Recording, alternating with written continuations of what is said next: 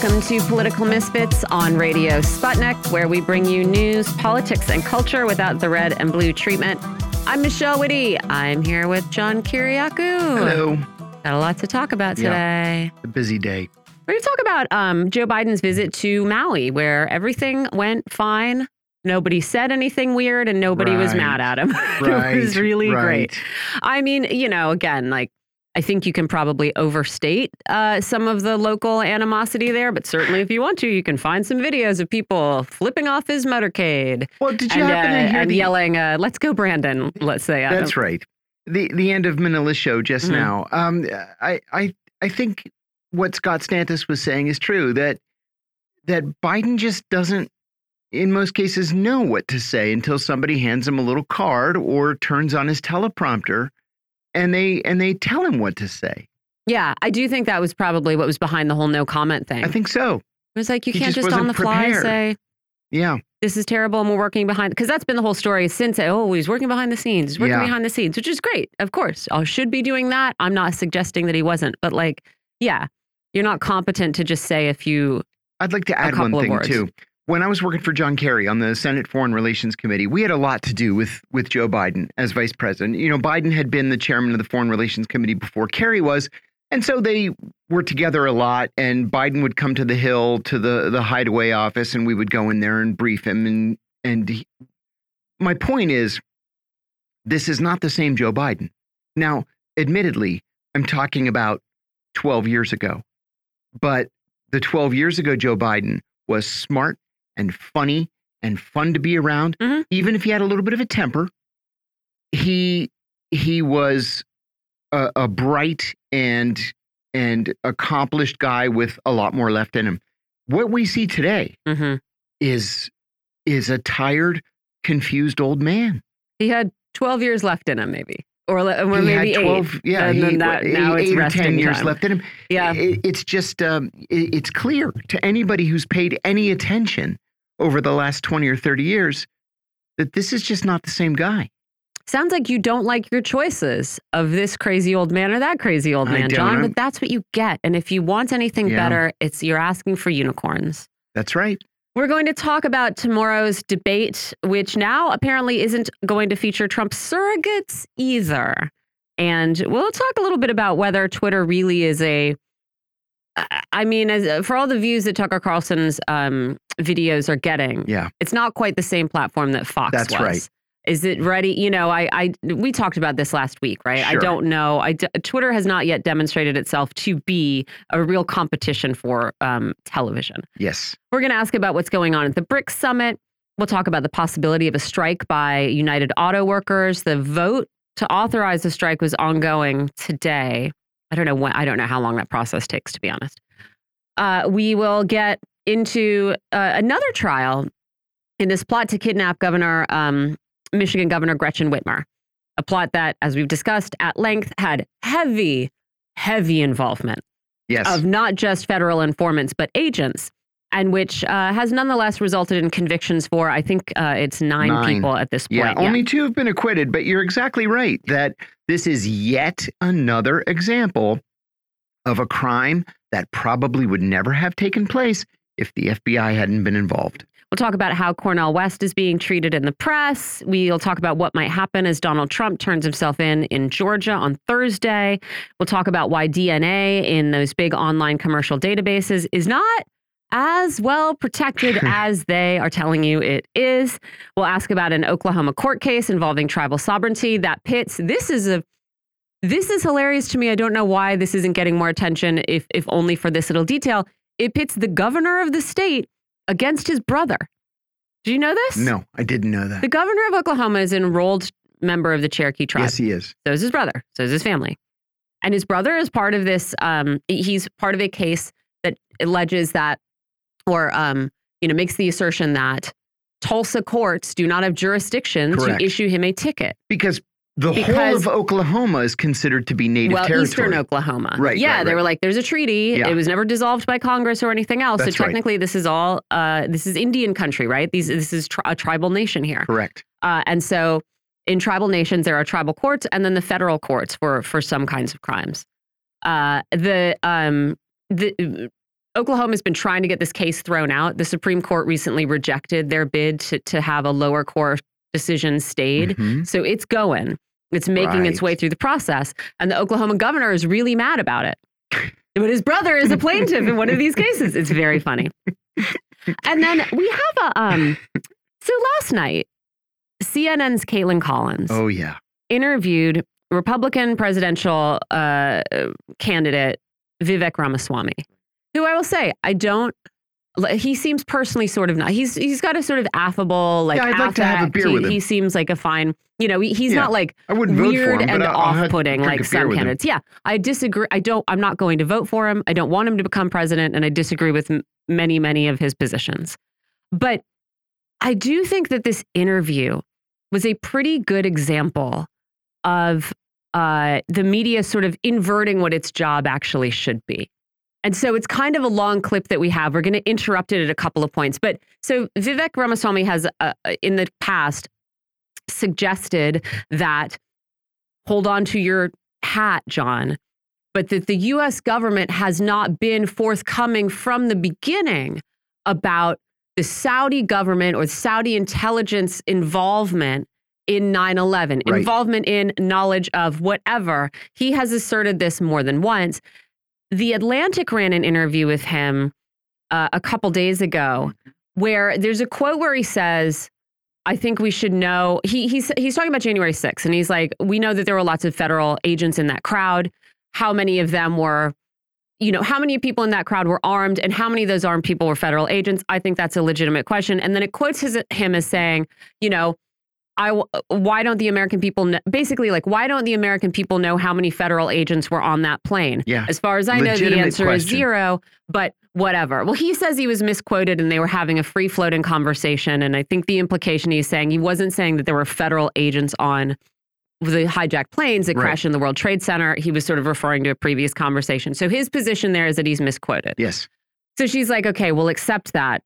But following up on his apparently outlandish assertion that uh, the, yes, the, our government was was obscuring what it knew about Saudi Correct. knowledge of or involvement in 9/11. So let's let's play the beginning of this clip here. We'll take you at your word. Yes. You're saying you're, that you were misquoted here, but yeah. you were asked another time recently about whether or not 9/11 was an inside job. This is what your response was. 9/11 inside job, or uh, exactly how the government tells us. I don't believe the government has told us the truth. Again, I'm driven by evidence and data. What I've seen in the last several years is we have to be skeptical of what the government does tell us. I haven't seen evidence to the contrary, but do I believe everything the government told us about it? Absolutely not. Ask two questions. The 9/11 Commission? Absolutely not. I mean, Vic, I think people look at those comments. They look at what you said in the Atlantic, which you say you were misquoted. They look at comments that you've made about the Federal Reserve adding zeros to media companies' bank accounts. And I mean, it looks like you're floating conspiracy theories with this defense of I'm just asking questions. Well, when you actually quote me, those are my words and I stand by them. So somebody else quoting me, putting words in my mouth, I have a problem with. But those words I stand by. You want to know why? Because we literally know the FBI, the 9-11 Commission, the U.S. government on down told us specifically that Saudi Arabia had no involvement. 20 plus years later, quietly declassifying documents showing that not only did Saudi Arabia have involvement, it was a Saudi intelligence agent that received two of those terrorists that crashed planes on 9-11, killing but the Americans. question was, is 9/11- Let me interrupt on that point right there. Uh, he's exactly right. Yeah. And, and I'll, I'll, tell you two quick things there. What he's talking about is a Saudi intelligence officer by the name of Omar al-Bayoumi. Omar al-Bayoumi was in the United States at the time in, in the immediate uh, the period immediately before 9/11. It was Omar al-Bayoumi who took receipt of $50,000 of Saudi government money that was transferred from the account of Prince Bandar bin Sultan's wife. Bandar was the Saudi ambassador uh, to the to the United States and the the son of Foreign Minister Prince Sultan. His wife transferred $50,000 to an account in San Diego and the account in San Diego was controlled by Omar al Bayoumi. He took that $50,000 and passed it to the 9 11 hijackers. Okay, we know that for 100% certain fact. The government denied and denied and denied that any such thing ever happened mm -hmm. until the document was declassified. Number one. Number two, in the immediate aftermath of the 9 11 attacks, George Tenet, as CIA director, had a meeting with Prince Bandar at Bandar's home right here in McLean, Virginia, in which he said, We know that elements of the Saudi government were involved in 9 11. And if you don't turn them over to us, if you are not transparent in your responses to our questions about 9 11, we are going to start killing people. And some of them might be named Al Saud. It was only then that the Saudis turned over this information to us. Now, the CIA made a terrible mistake. Well, not not necessarily directly the CIA, but the White House at the time made a terrible mistake in not declassifying that information immediately and being transparent with the American people that the Saudi government was involved in the 9/11 attacks. I mean, the thing is, and we're we'll pick this up in just a second. Is this important information? Yeah, is this I- relevant? Should people know about this? Absolutely. I And- think it is. Kaitlan Collins, like what Vivek Ramaswamy did was he was asked to sort of like uh, yes or no or this bigger answer, and he responded with this sort of bigger, complete answer Yes. that is largely correct, and I think that a lot of people would agree with. Yes. And as you'll hear when we when we pick this clip up, all Kaitlan Collins wants to hear is this sort of tick the box. It That's wasn't an inside job thing. That's right. And it's it's like, what do you think your job is? I want to play a little more because, uh, yeah, I, I want to play a little more because it, it it stays interesting. So let's pick it back up. The question was, is on 9 American 11 an inside job? our And, you didn't say about no. Kaitlan, That's what you I just think people play, are Kaitlan, you looking literally, at. Kaitlan, you, you know what's really funny? You literally just played that, and you could play it for your audience again. He said, "Or do you believe everything the government has told us?" And my answer was, "I do not believe everything the government has told us But you see because the they point. lied." The point is and I know this game comes open. up, Kaitlan, It- every time there's an game. outsider it leaves who the comes door in. open, Vivek. it leaves the door open, and someone who's a 9/11 truther we looks have a at that and government that says, "That's exactly what I believe." You that think the was a, government's lying about 9/11? Who. It, I think the government has systematically and for a very long time lied about 9/11, and I think I'm the What only part presidential exactly candidate are they that's told us the about? truth. Here, wait, can we stop this for a second? I mean, yeah, it's just like How wh- many times does the guy have to answer the question? And also, what is your you're a journalist, right? You're pretending to be astonished at someone saying the government has lied to us and I have and we have evidence of it. Were you not alive during the 20 years we were in Afghanistan? Right. When Or, again, or the beginning of the Iraq War. yeah. We're still waiting for the weapons of mass But I destruction. mean, we were lied to about what was going on in Afghanistan basically for 19 years straight. And the Washington Post, to their credit, finally, you know, they had this huge long series demonstrating, you know, casualty figures were wrong, progress in the in the war was, uh, you know, was garbage. Uh, this sort of idea that we were we were taking ground, we were maintaining ground, like all of these reports, all of these sort of, uh, you know, D Defense Department coming out Mm-hmm. and saying like everything's going great, we're about to wrap this up, everything's going cool, we're about to wrap this up for 20 years. It was Right. all lies. You're shocked that the government lied to us? Weren't we just lied to about the last drone strike in Afghanistan and Right. told it killed a bunch of terrorists? Come on. And the thing that bothers me here is not like, you know, sure, like, I don't know what the whole story is about the Federal Reserve adding zeros to, to media companies' accounts. Certainly, you know, you No could. idea. You, that could be a euphemistic way of saying the Federal Reserve just sort of opened a giant um, tunnel and funneled money into Wall Street to the tune of what, uh, a trillion dollars a month during That's the right. pandemic. That's, That's true. right. It's true. How different is that from just Sure. adding zeros to accounts? You Right. know what I mean? That's true. And so you have the journalist here going, you telling us the government lies? It's Yeah. so silly. Uh, let's hear a little bit more of it. I'm the What only part presidential exactly candidate are they that's told us lying the about? truth. Saudi Arabia's involvement. It is absolutely true. But you don't that think Saudi that 9/11 Arabia was an inside job, involved correct? Of course not, and I've never said it. But but the But media a pretty filters do simple create a answer. lot of It's not a media filter. You have to that's stop blaming the media. We're, I'm asking you about comments that you have made. And I'm telling you that the comments I made, the ones you just played, are indeed what I believe, which was not that 9-11 was an inside job, but that Saudi Arabia absolutely was involved, and our government for 20 years lied to the American people about There it. There was an entire 9/11 commission fact, report actually. on this. Okay. That's, the- yeah. that's See, what I wanted to get she to. There was goes a in report on this. Yeah, there was a report. Are There you saying a you don't believe the report? Exactly. What is your job? And it's also like, come on. I mean, I, I have not seen recent polling on this, so I'd be very curious what it is. But I would probably bet that if you polled regular Americans, most of them would say 9 11, yeah, some big question marks there. Sure. A far greater percentage than those who would say George Bush did it. Right. You know what I mean? George Bush way, did it. The Saudi royal family did it.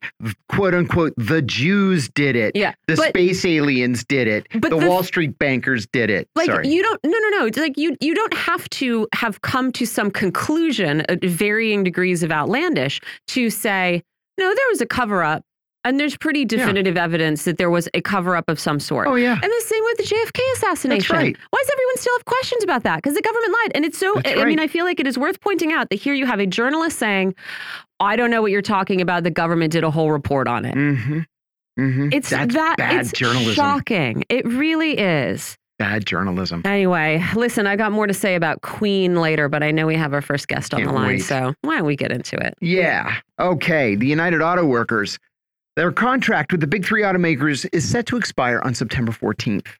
Um, that's a little more than three weeks away, which seems like plenty of time to head off what could be a devastating national strike. But the two sides are very far apart on major issues, substantive issues, including pay and job security. The union points out that pay has risen an average of only four bucks an hour over the past 20 years, and that the companies have long replaced full time workers with multiple part time workers who are cheaper and are given fewer benefits. Internal polls show that, show that union members are united and are willing to strike if their demands are not met. Tucker Carlson is in the news again. The former Fox News star is in Hungary, where he met at the Serbian embassy with Serbian President Alexander Vucic. The conversation between the two will be broadcast on X, formerly known as Twitter, and it focuses on NATO's response to Ukraine in the context of the NATO war against Serbia in the 1990s. Now, the reason why this is interesting, at least to me, is that literally no major U.S. media outlet has made any connection between Ukraine and Yugoslavia. Jury selection began yesterday in the final trial related to the alleged plot to kidnap Michigan Governor Gretchen Whitmer. Defendants Eric Molitor, William Null, and Michael Null have been charged with conspiracy to commit kidnapping, providing material support for terrorism, and illegal possession of firearms in a plot that aimed to snatch and hold the governor in protest of her COVID policies. So far, nine men have been convicted and two have been acquitted in the plot. These last three face up to 20 years in prison. But what we are not talking about again, at least in public out there in the media, is the FBI's involvement in this case. A new U.S. intelligence analysis says that Ukraine's offensive is failing and the Ukrainian military will not reach the strategically important city of Melitopol. The Washington Post reports that a classified CIA analysis says that Russia's proficiency in digging trenches and in placing mines has stopped Ukrainian forces, who will not be able to overcome the challenge before the winter. And finally, the State Department is urging all Americans to leave Belarus immediately, citing spillover risks from the Ukraine conflict. It is utterly unclear why they didn't make this announcement 18 months ago. We're joined by Dan Kovalik. Dan's a labor attorney, a human rights activist, and an author based in Pittsburgh. His latest book is called Nicaragua A History of U.S. Intervention and Resistance. Dan, thanks for joining us. Always great having you. Thank you so much. Glad to be here. Well, thanks for doing this, Dan. And and let's begin with the possibility of a strike by the United Auto Workers. We still have three weeks before such an action would be taken, but the union rank and file seem to be chomping at the bit. I think there's voting going on today. Correct me if I'm wrong. Tell us what the big issues are in this, and what do you think the prospects of a strike are? Well, I think, you know, there's a very good chance for a strike. I mean, as you noted at the top of this segment, uh, there has not been a, you know, the wages have increased only $4 over the last 20 years. Of course, inflation has risen much more than that in the last year. I mean, um, there's no way that uh, their pay is keeping up with inflation. So they're working, uh, you know, probably more than they ever have for much less. So that's going to be the major issue. And of course, this issue of part time workers um, doing more and more of the work without full benefits, that is a major issue as well. Uh, and the auto workers have given ground on these issues over the years because they've had a you know diminishment of, of, of bargaining power. But I think at this point they're drawing a line in the sand and saying, look, they can't they can't give any more. Um, and I think they're absolutely right about that. I think so too. In the event that auto workers do go on strike, what do you think that'll mean for the economy? We've said previously on the show, and I think actually we talked about it with you, that in the early 1970s, when the auto workers went on strike, that strike was big enough to push the entire economy into recession. Uh, we're probably not looking at a strike that big and that deep this time, but what do you think we should expect? Well, certainly given the fact that we seem to be teetering on the brink of, of a recession anyway, it certainly could contribute to us, yeah. you know, going over that precipice. Of course, it does have to be pointed out in the 1970s, uh, the auto workers probably had uh, more members than they've ever had uh, before or since. Mm-hmm. And of course, much of the auto uh, factories have been offshored since that time.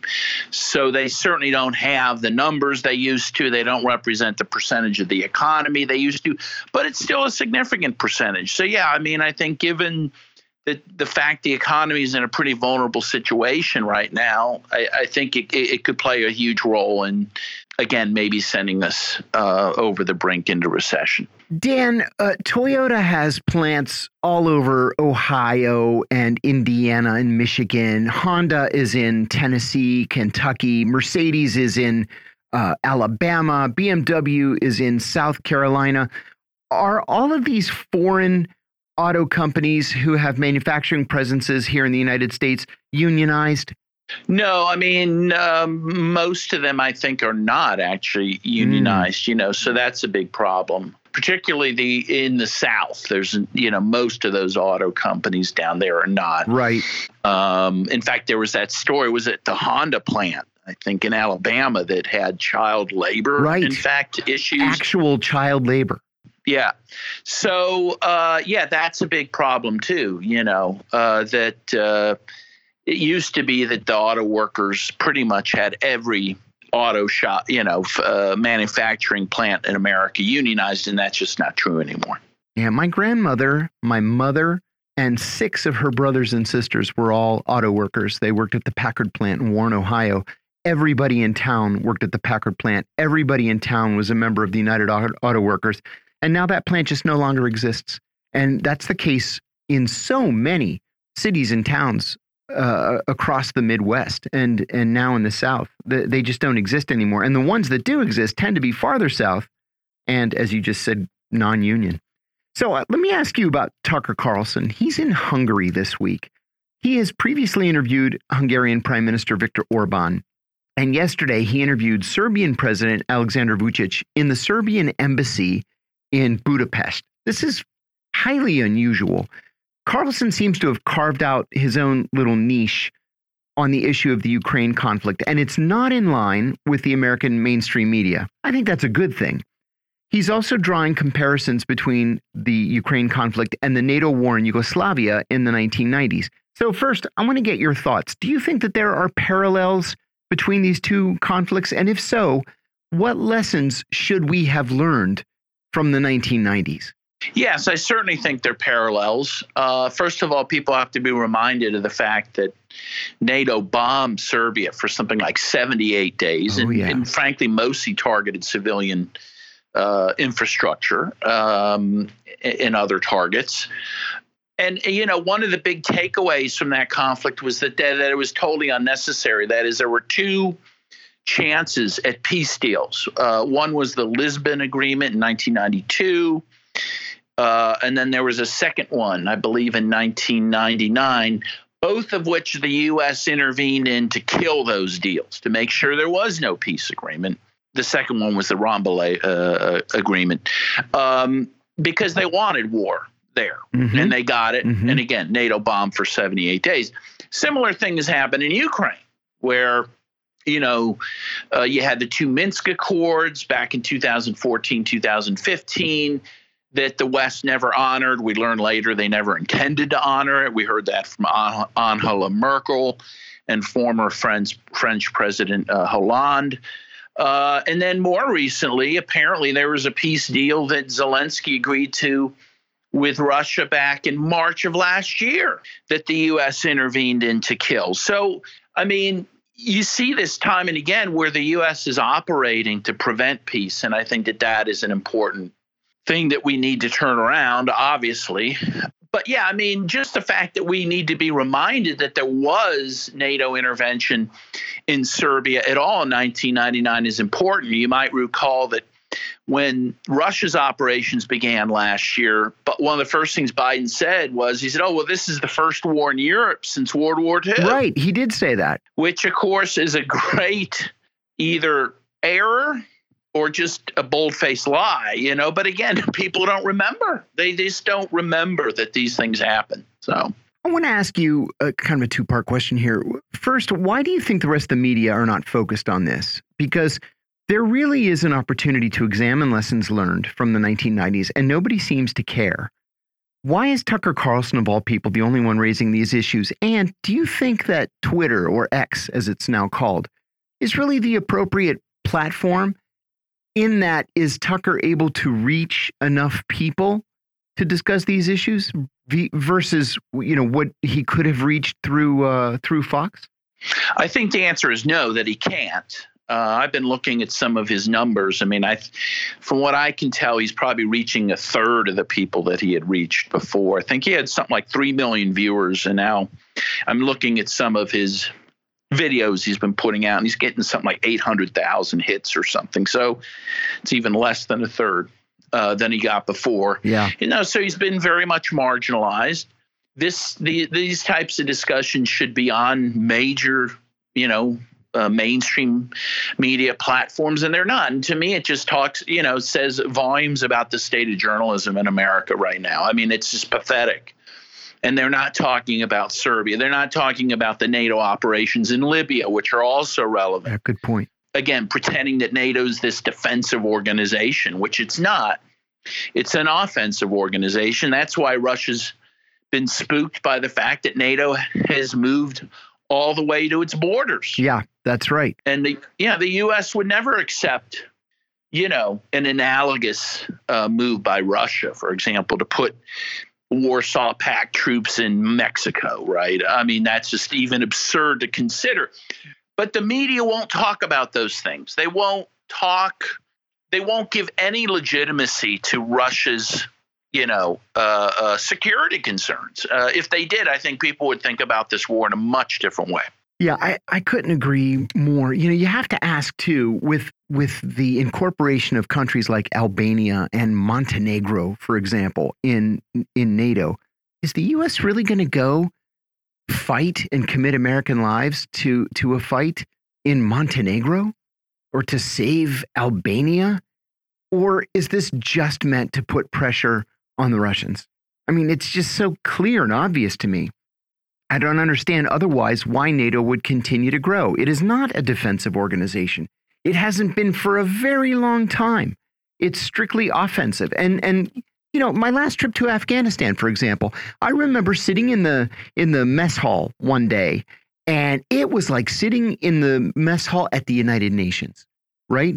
I mean, there were soldiers there from literally every NATO country, every single one. In Afghanistan, that's not defensive, that's clearly offensive. But nobody wants to talk about that.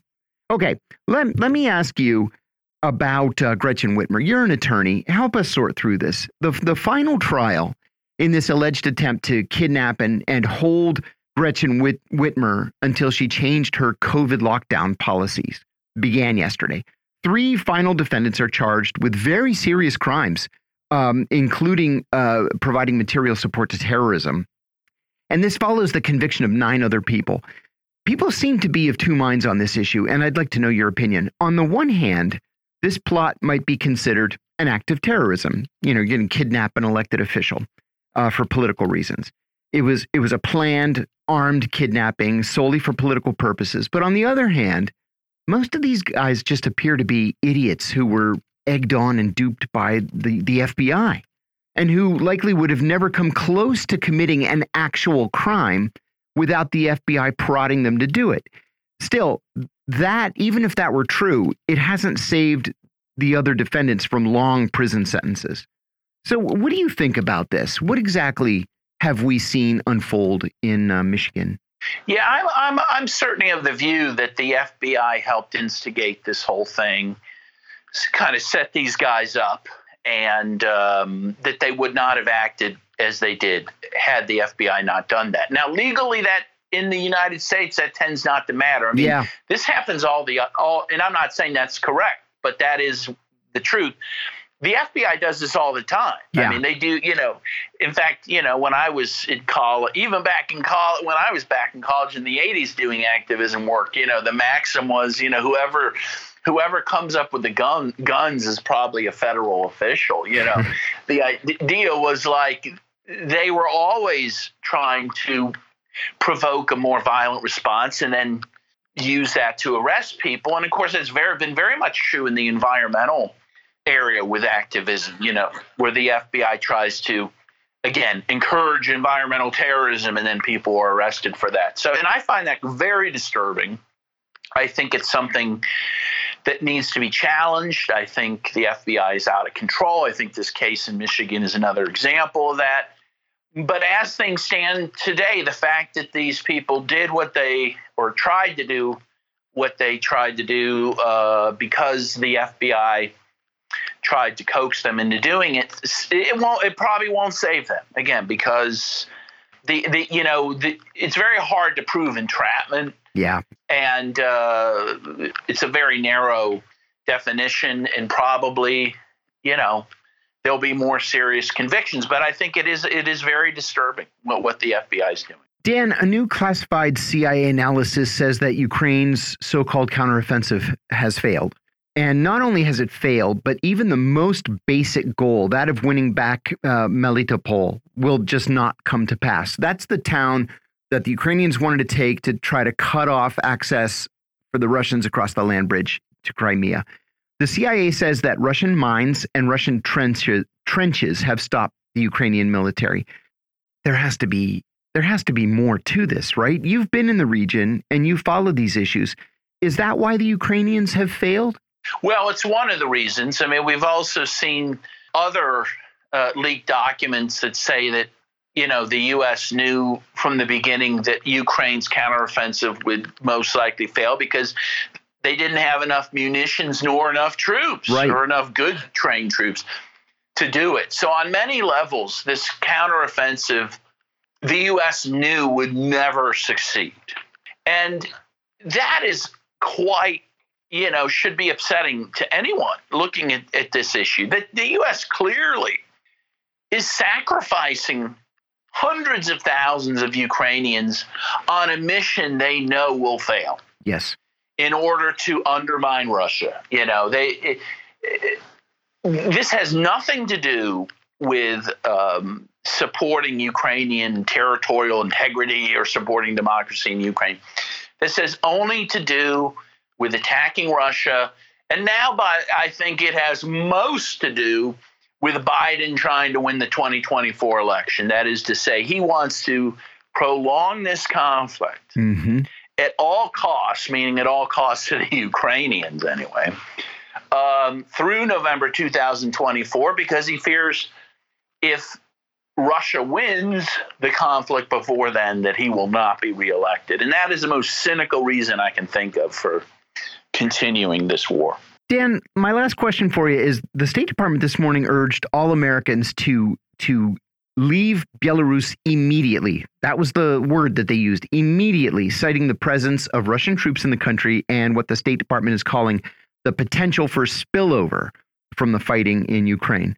Um, why make this announcement now? Why not make this announcement a year and a half ago? It's not news or new that there are Russian troops in Belarus. What's happening in Belarus that we didn't already know that warrants an evacuation? That's true. I mean, and I, I mean, first of all, a lot of a lot of these State Department warnings on travel are politically motivated. Absolutely. You know, they tend to tell you not to go to countries that the U.S. just doesn't like, um, and it's not really based on safety at all. I will say, I think that you know the the presence of the Wagner troops who are ended up there after this weird kind of rebellion happened uh, Mhm. re- with with Prigozhin. That some people do think that you know their presence in Belarus may be some indication of a possible escalation between Belarus and Ukraine. But again, I think to your point, probably any concern they have about Belarus at the moment they would have had 18 months ago. But I, I think again, it's another way to just isolate countries like Belarus because they don't like Belarus. Yeah, I think that's really the bottom line right there. Dan Kovalik, thank you so much for joining us. Dan is a labor attorney, human rights activist, and prolific author. He's based in Pittsburgh, and his most recent book is called Nicaragua A History of U.S. Intervention and Resistance. And I think we're okay on time, right? Yes. John, can I tell you a little story about Queen?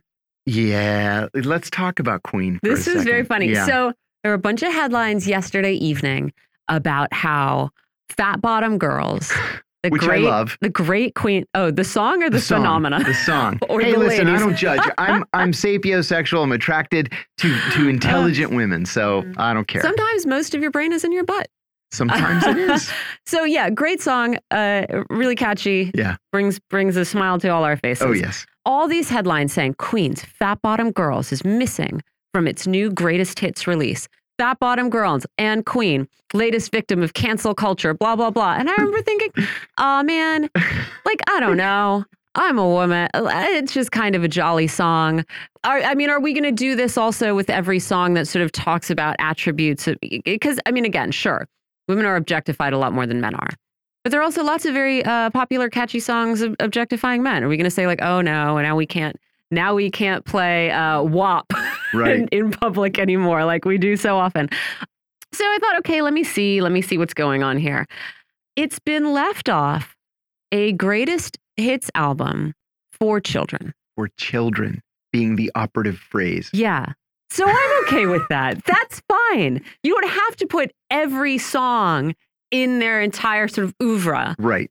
on the album for children.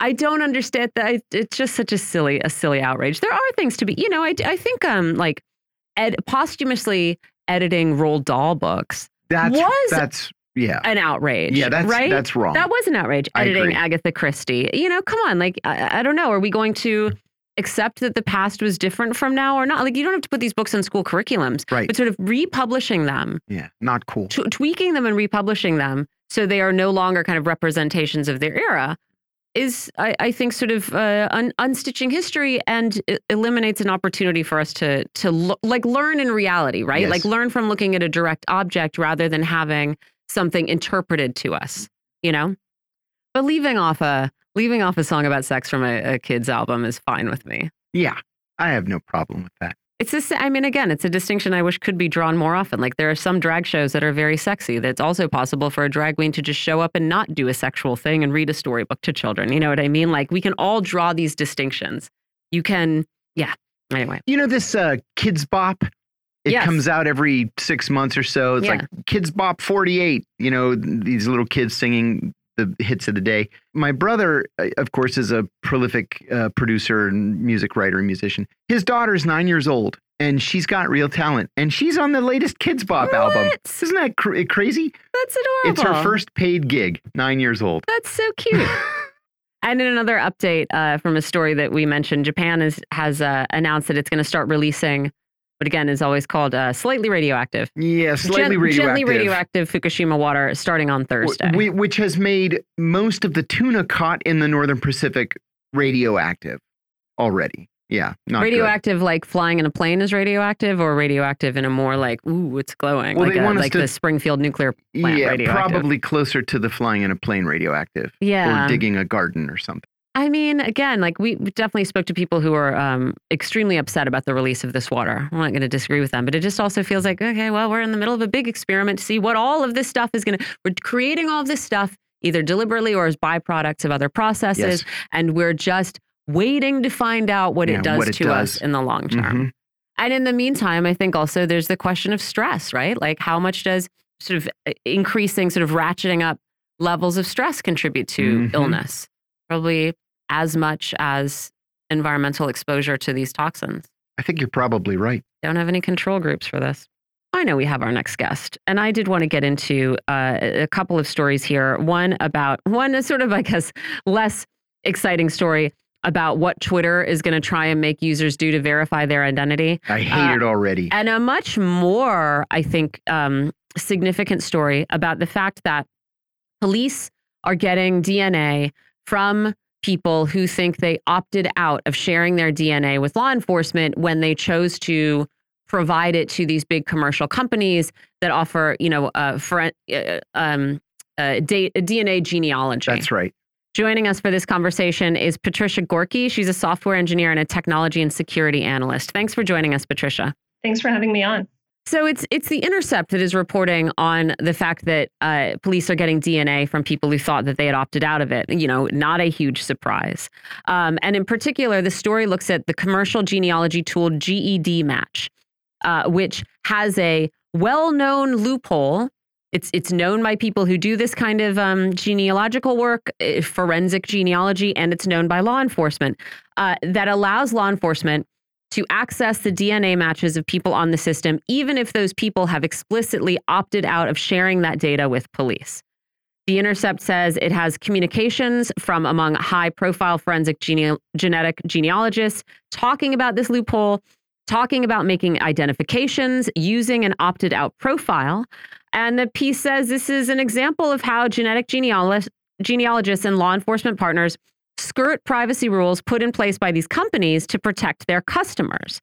We also don't know how common this practice is because police and prosecutors have fought to keep the details of genetic investigations from being turned over to criminal defendants. And so as a result, anyone who has put their genetic DNA into one of these big commercial databases is in jeopardy of having someone sort of sift through it regardless of what you checked on your on your little program.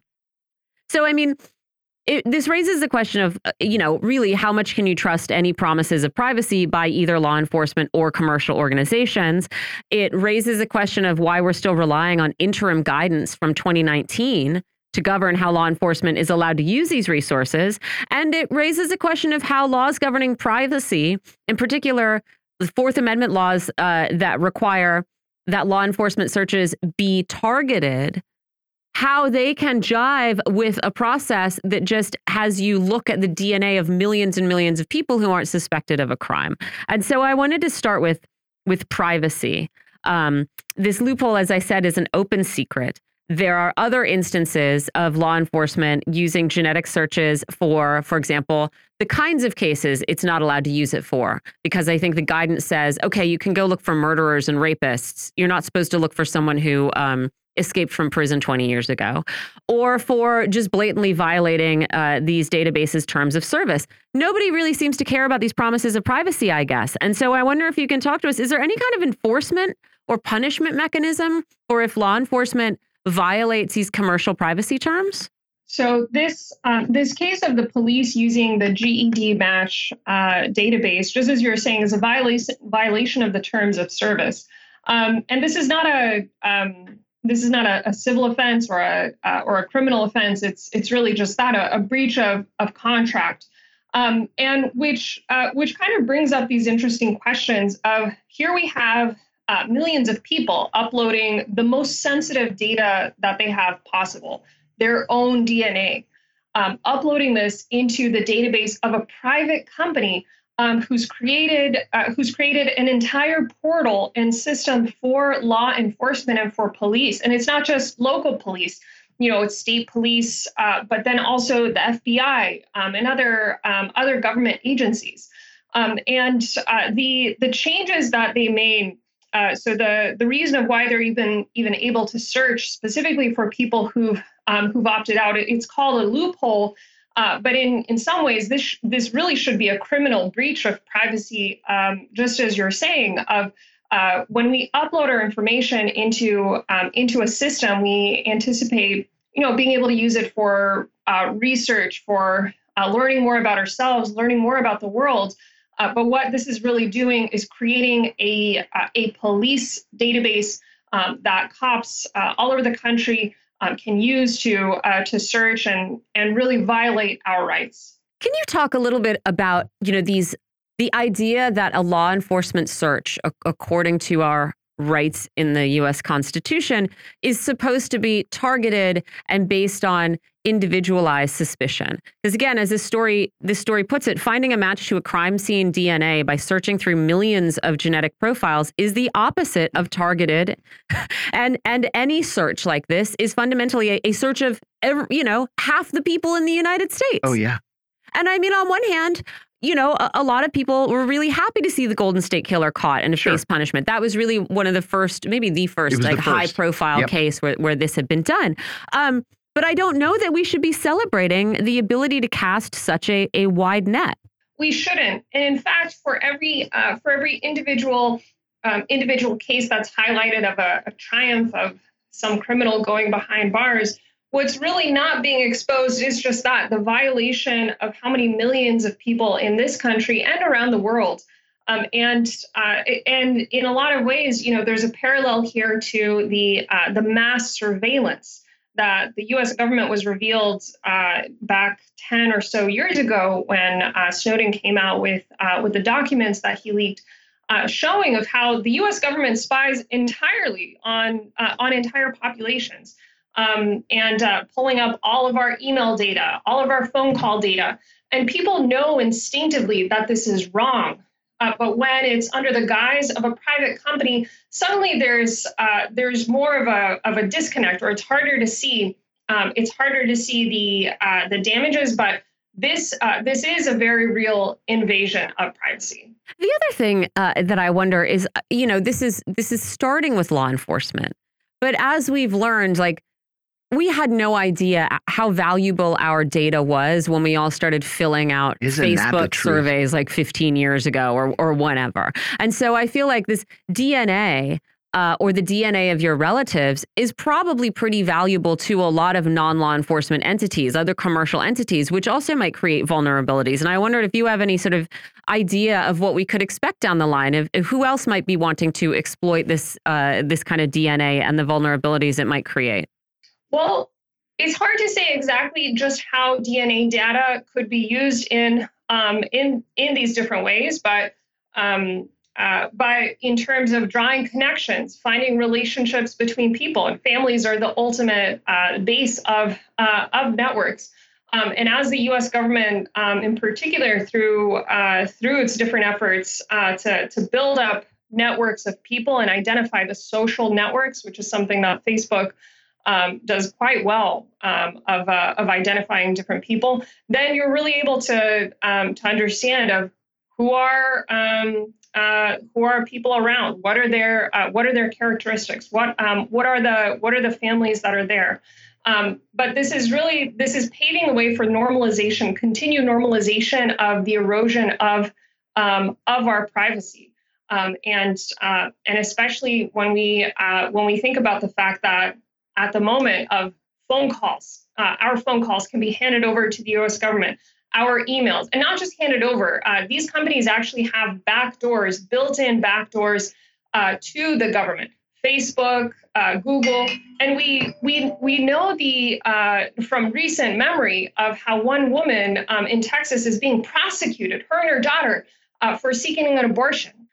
For the right to to have to have direction over her own life and that was uh, that was pulled out from her Facebook Messenger account. And so we can be sure that um, that these uh, this DNA data to draw connections with other people will be uh, looped in with other data as well. Uh, the other thing I want to ask is, you know, there probably technologically is a way to do a more targeted search of these databases. You can feel free to tell me if I'm wrong. And you know, maybe they could continue to be a law enforcement tool if there was some regulation about how they were to be used and what would constitute a targeted search. But as I said, we're still using this um, interim guidance issued by the Justice Department in 2019. And I feel like a lot of times when we are speaking to you or other security and um, tech experts, uh, they talk about just how far regulation lags behind uh, technological capability. And I wanted to ask for your comments on that. Why don't we have better regulation by now? And and would it be possible with better regulation for this to you know re remain a tool uh, and just not you know yeah another opportunity for people to exploit the innocent? regulation depends on the regulators. Uh, we know that those who are who are the ones who are writing the laws have already passed uh, such laws as the Patriot Act, um, where now actually uh, our entire web browsing history that was a recent addition in 2020 uh, can be uh, can be viewed and and um, uh, for subpoena by by the U.S. government.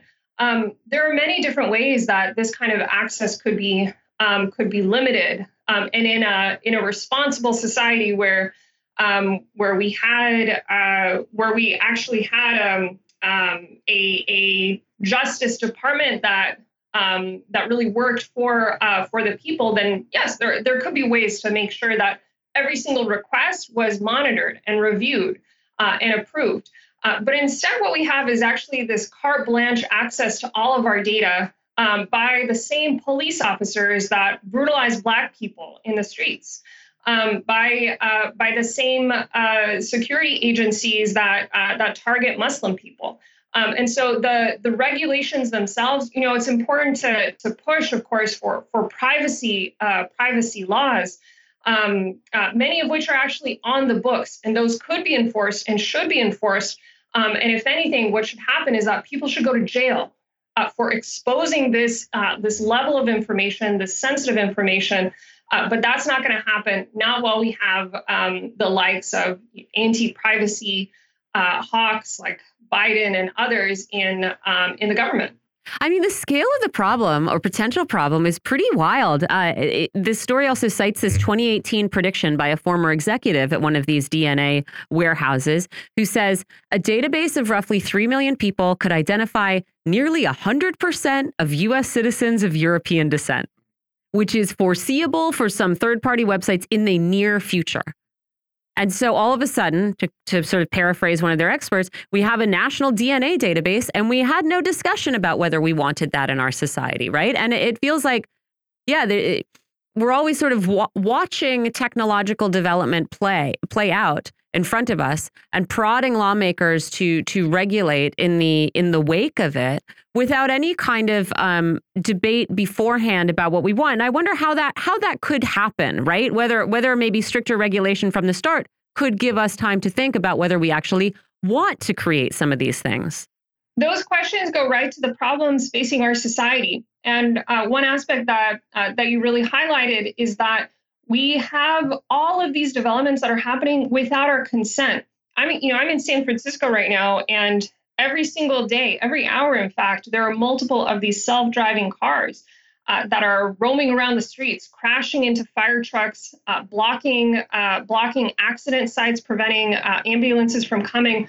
Um, and, uh, and and what this is is that we have the local government that's just opened up the city without any discussion, really without the, the will of the people, opened up the city for, uh, for this dangerous testing.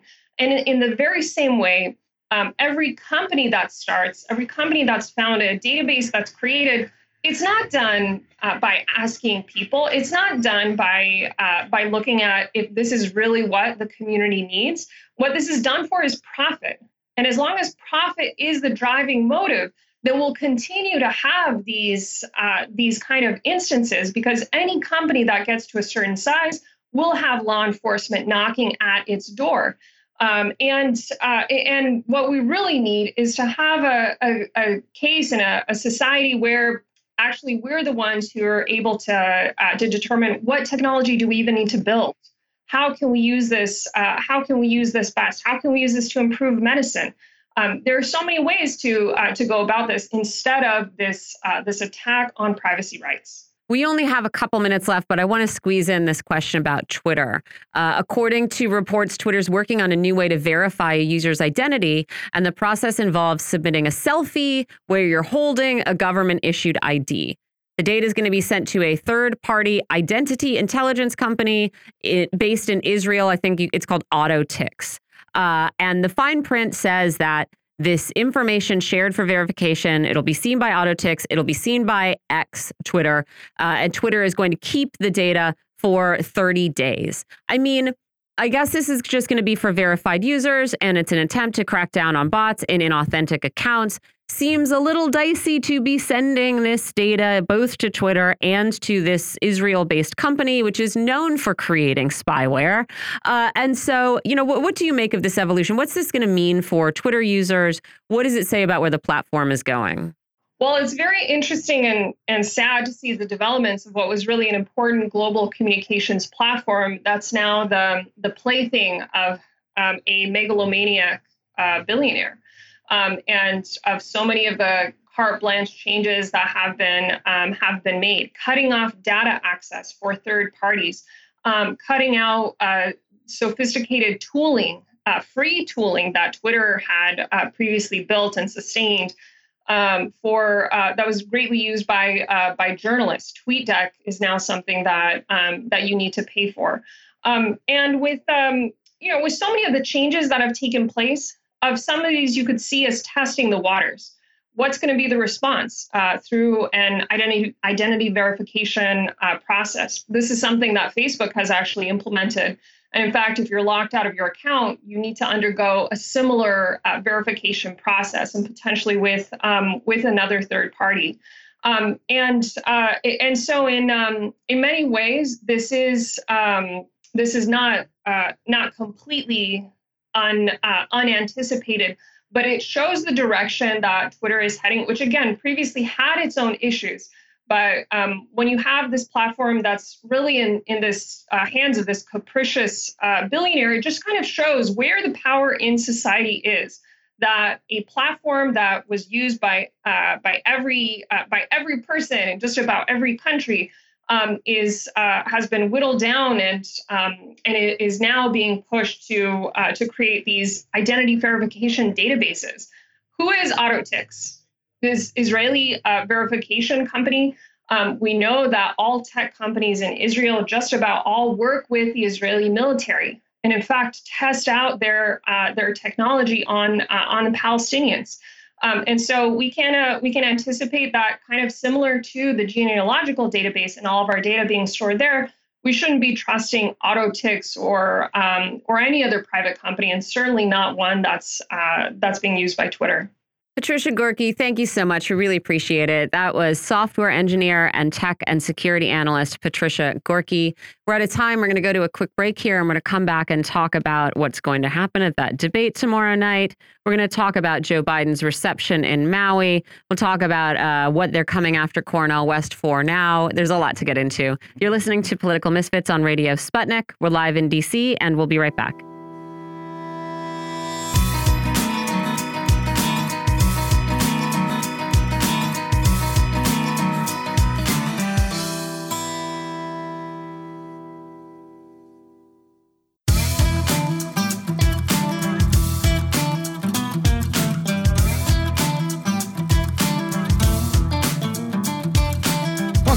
Political Misfits on Radio Sputnik, where we bring you news, politics, and culture without the red and blue treatment. I'm John Kiriakou, here with Michelle Witte.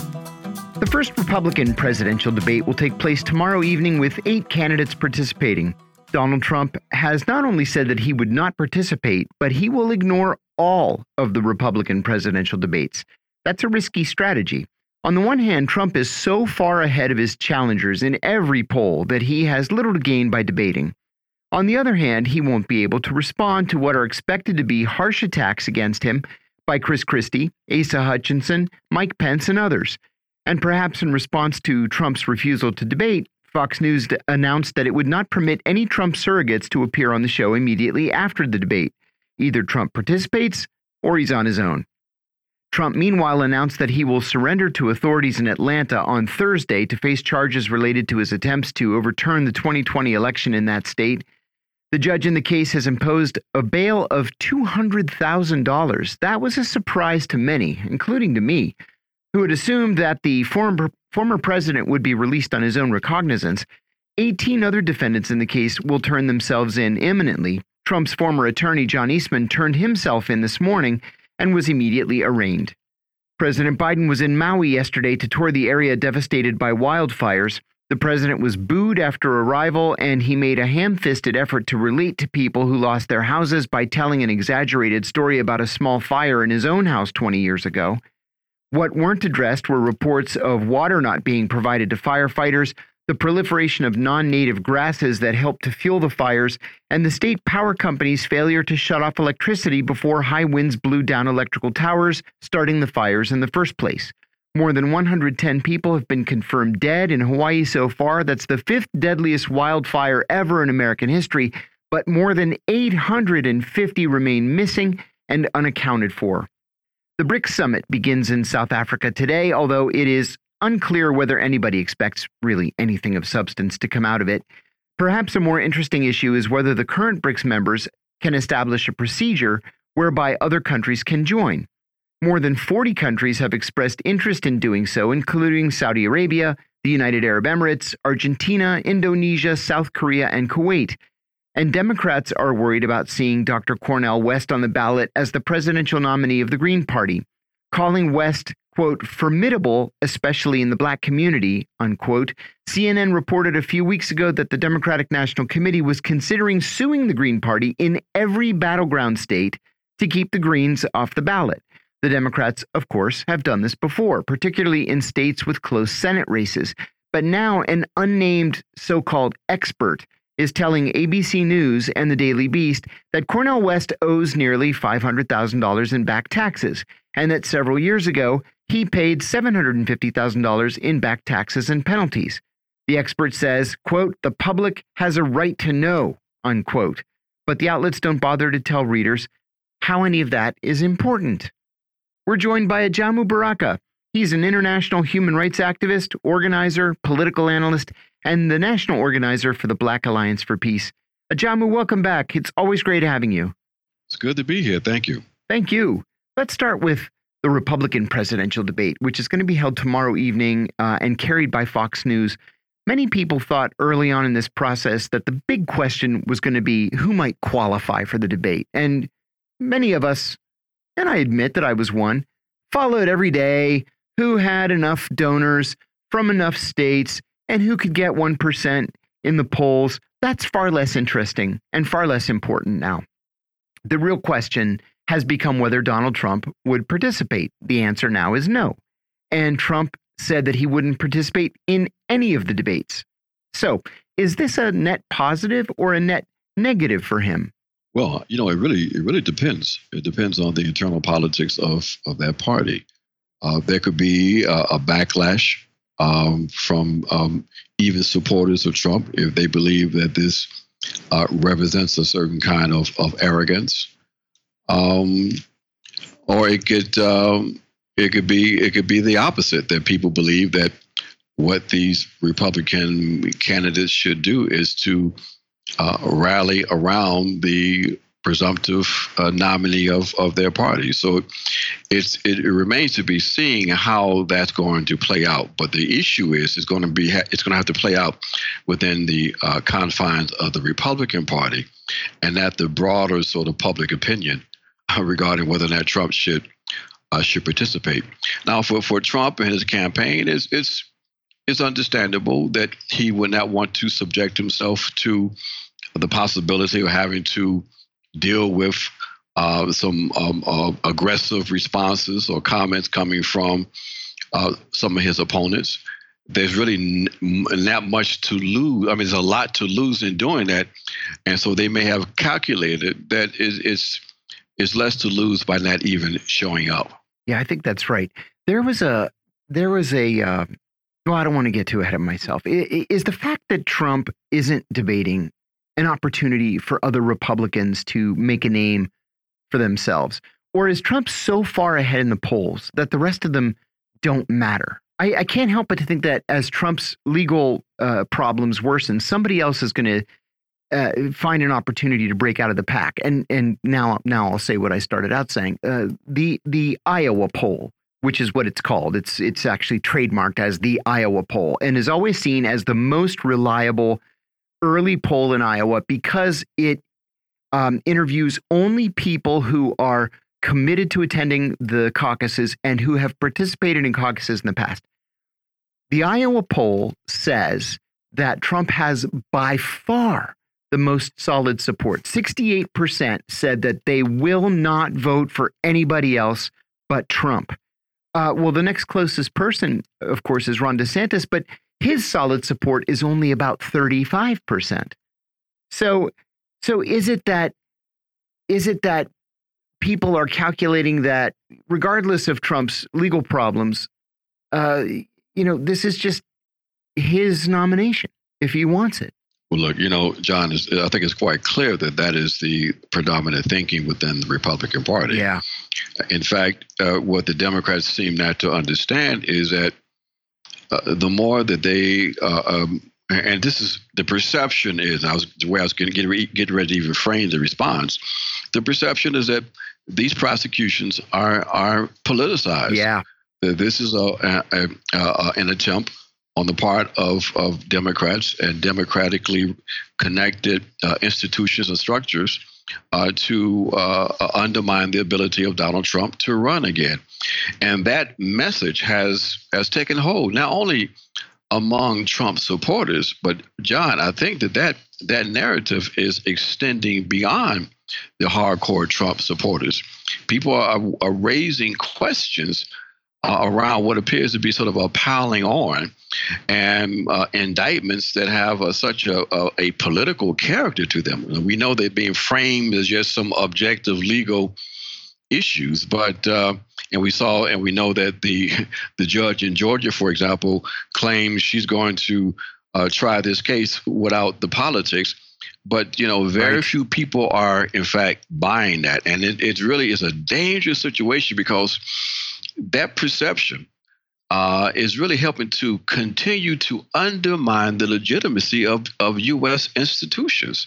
I mean, it, it's, it's, a very dangerous strategy, but it's one in which Democrats believe that some kind of way that um, they, they're going to create a condition or a situation where someone, one of the uh, Republican uh, candidates, would then break from the pack. I mean, I don't, I don't see it. I think the way you frame that question is clear that you don't see it either. But that seems seems to be the thinking of many of the Democrat Party strategists. Trump announced yesterday that he would surrender to authorities in Atlanta on Thursday. This is not like his federal cases where he's been shown some deference. Um, in the federal cases, he hasn't been photographed, and that's why we haven't seen any leaked mugshots. They just don't exist. He hasn't been fingerprinted, uh, but he certainly will be in Atlanta. Uh, in fact, I saw just before we came into the studio today, John Eastman surrendered himself today. And not only was he fingerprinted and photographed when he was booked, he was assigned a prisoner number.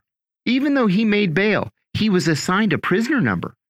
So here you have Trump, who is not going to be released on his own recognizance um, he's been forced to pay, or he will be forced on Thursday to pay $200,000 in bail or to put it up 10% if he wants to just buy the bond. That seems incredible to me. It's a message that the court doesn't trust him to show up for the trial or that it doesn't trust him to keep his mouth shut. And it gives the judge leverage to revoke the bail rather than to have to send him to jail, revoke the bail if he violates any gag order that the judge may impose on him. What do you make of this whole situation? How different is this going to be from what we've seen in Washington and New York in these federal cases so far? Well, it's quite clear that the the predominant line is that Trump is going to be uh, uh, treated like any other person, and and that's understandable for that being the position. But the, the, objective fact is Trump is not any other person. He, in fact, is a ex-president of the United States. Uh, but the the the the other part of this is the the the political inclination on the part of these Democrats who are in power in Fulton County, in Atlanta, uh, to to make this into a spectacle. Mm -hmm. Uh, if the judge really believed that Trump was a flight risk, know, we're talking about a multimillionaire, then have a uh, a bail that reflected that real concern. That's right. Uh, but I think that the judge is more concerned with trying to impose, you know, limitations on Trump's speech than anything else. But the main thing is to is to degrade. They want those those pictures, for example.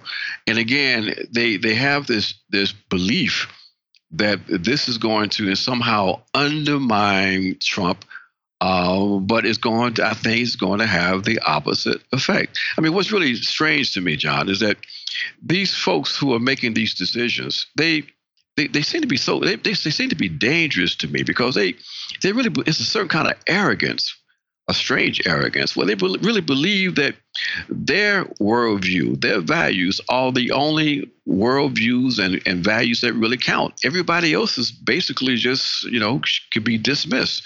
And because of that kind of, of, of blindness in terms of, of the implications for political decisions, uh, it means you are going to, you are, in fact, it's almost inevitable that you're going to make political errors. And I think that the Democrats, from the time they decided to uh, to to pursue a second uh, impeachment after uh, January 6th, have, have demonstrated that they are just they they are operating in a parallel political universe.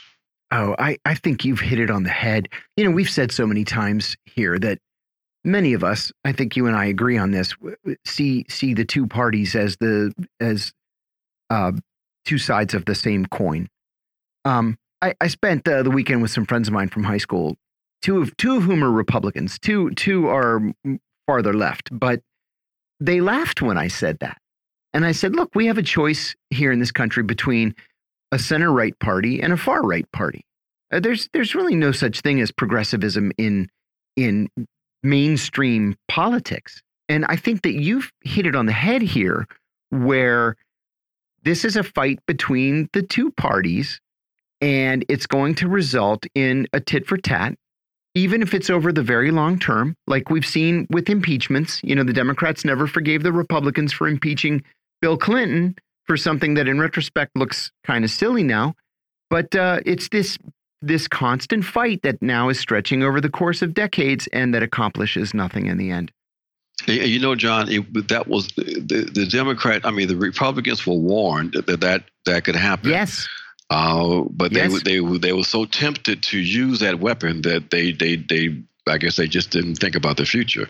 But it's all part of the process of of the degeneration uh, of of politics in in the U.S. I mean, it, it is incredible and incredibly dangerous because of the economic and deepening economic crisis That's we're right. facing. That when you have the the delegitimization of the of, of all of the U.S. institutions, then there's no there's no telling what may happen in terms of the politics here in this country. It's very very dangerous. Jamu, um, there are a dozen and a half other defendants in this case, right? A total of 19 people have been charged. None of these other people have the the money or the political pull that Donald Trump has. I would expect that some of them, or perhaps even many of them, might want to flip in order to try to save themselves. Um, we haven't seen that yet because it's so very early in the process. Only like two or three have even been arraigned so far. But I have trouble imagining that that people who are not household names, like the bail bondsman who was charged this morning, would be willing to go to prison just to try to save Donald Trump. Do you expect that Pandora's box to be opened?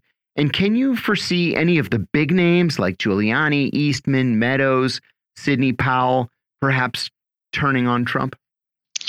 I don't expect the big names, John, because I think that there, there's a model that they have embraced, and that is the the Paul Manaf- Manafort model, that uh, they can hang tough, and they know if they hang tough, that this case is not as solid as what people are, are Yes. pretending that it is.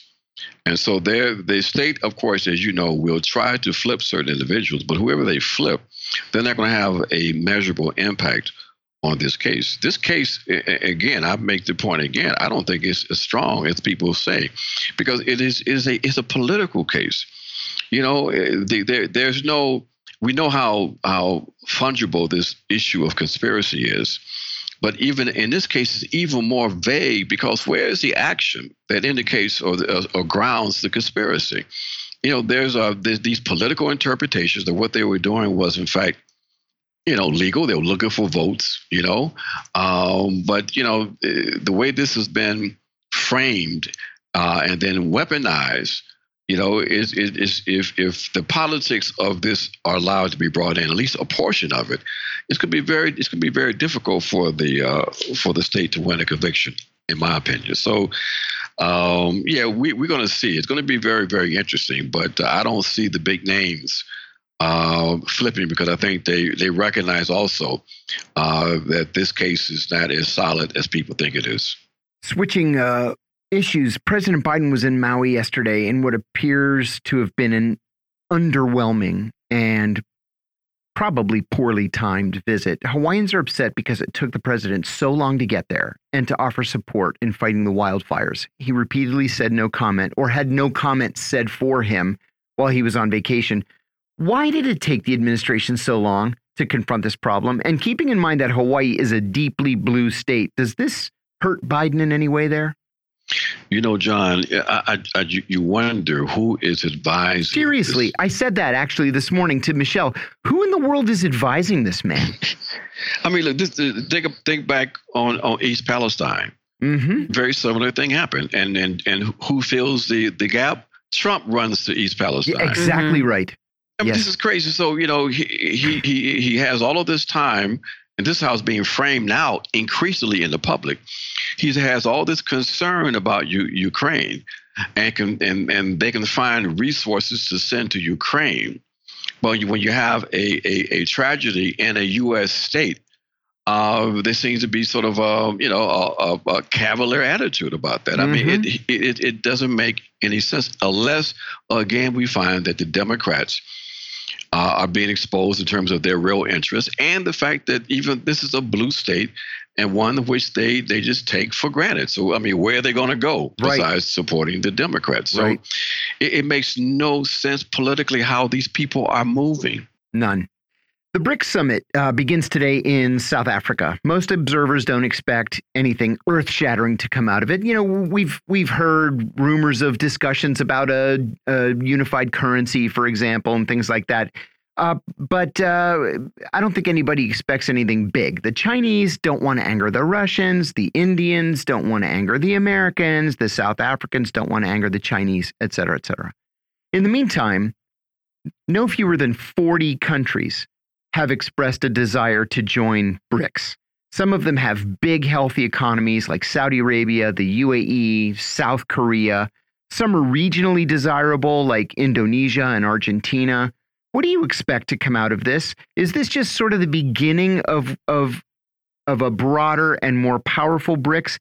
And uh, would this be a positive or a negative for the United States? You know, when the European Union was was in the process of being formed, everybody said, "Oh, this is going to be terrible for the United States because it's going to be this unified bloc." In fact, it was a, a great positive for the United States because it made trade easier.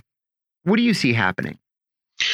I see this as the 21st century manifestation or expression of of Bandung uh, a non-alignment movement, mm-hmm. if you will, mm-hmm. uh, an attempt on the part of global South nations to uh, to be in a stronger position to exercise authentic political and, more importantly, economic independence, uh, even within the context of the the hegemony of this global uh, capitalist uh, market and system.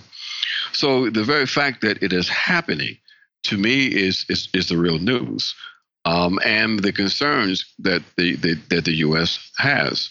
Uh, so I think that there will be discussions around how they're going to, in fact, expand. There will be continued discussions around uh, the questions of, of currencies, uh, but it this this does represent a the continuation of a real shift in the international balance of forces uh, something that the U.S. has to be very and is very concerned with. So in the end, it is a, a, a net negative for the U.S. But I think for collective humanity, I believe it is a net positive. Anything that happens that loosens and, and helps to unshift power away from this increasingly desperate uh, and dangerous uh, minority of the global population meaning the U.S. and Western Europe, um, I think that is a good thing. I agree, I agree with you. Uh, I want to turn to the Green Party, if I could. Cornel West seems to be ruffling some feathers at the DNC, if only because he's Cornel West. The Democrats have convinced themselves that he could be what they describe as the Ralph Nader of 2024, ignoring the fact that it has been conclusively proven that Ralph Nader did not cause Al Gore to lose the 2000 election to George W. Bush. Uh, but rather than worry about Cornel West, what should the Democrats be doing to broaden their appeal to people who otherwise are seriously considering voting for Cornel West? Well, you know that that's a good question because they had they had opportunities to yes they in did. fact uh, pass legislation that would have that would have had a measurable impact on on the working class. And I point specifically to, for example, the Build Back Better legislation. Uh, he had, but Trump, not Trump, but it was the same thing. Biden had uh, an opportunity to to demonstrate that he really was a supporter of organized labor uh, uh, by by negotiating uh, an agreement between the railway workers and the bosses that would include at least minimal paid leave. He didn't do that. So they, I think they, they have this they, they have this uh, uh, Inflation Reduction Act that basically is another giveaway to corporate America. In terms of big ticket legislation between now and, and 2024, I don't see that happening, especially now that you have the uh, Republicans back in control with the uh, in the House. So there's going to be they're going to be there's going to be blockage. So they have to run on their current um, their, their current uh, um, uh, results, and it is meager at best. So they, I think they're in trouble, and if we understand why they are concerned with Dr. West, because Dr. West is is articulating a a, a critique of the Democratic Party much stronger than than than Bernie did, mm-hmm. uh, and one that is resonating with the uh, with the the, the the the true blue base of the Democratic Party, which is which are black folks, and this is just the beginning of it. Cornel has not had one uh, major fundraiser, one public rally, but yet uh, his campaign is reverberating throughout the uh, the black community, and they are scared. That is the the DNC. Oh, that's that's fascinating. When you were the Green Party's nominee for vice president, in 2016, you and Jill Stein also had to confront attacks from the DNC. In fact, here on the show, we talked about it vis a vis Matt Hoh's uh, uh, Green Party candidacy for the U.S. Senate in uh, in North Carolina. The the DNC tries hard to keep the Greens in court because they know that the Green Party can't afford it. Um, they try in the end to keep Greens off the ballot. How did you fight that back in 2016? And did any of the victories that you and Jill Stein had uh, in that campaign, in, in court to keep that campaign viable, um, did those victories hold over uh, to 2020? And will they hold over to 2024, do you think?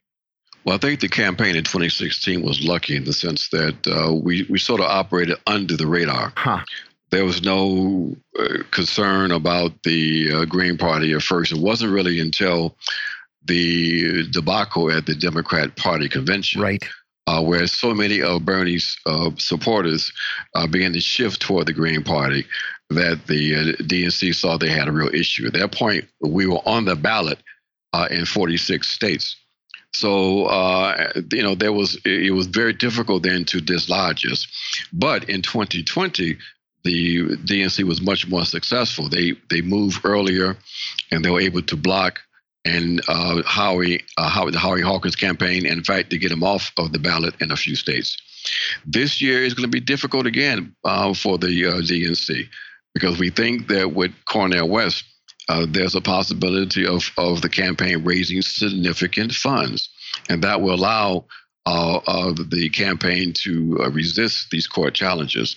But we do know that the Democrats uh, have decided that they're going to pursue that as a strategy, uh, demonstrating once again that they have they have no commitment to democracy at all.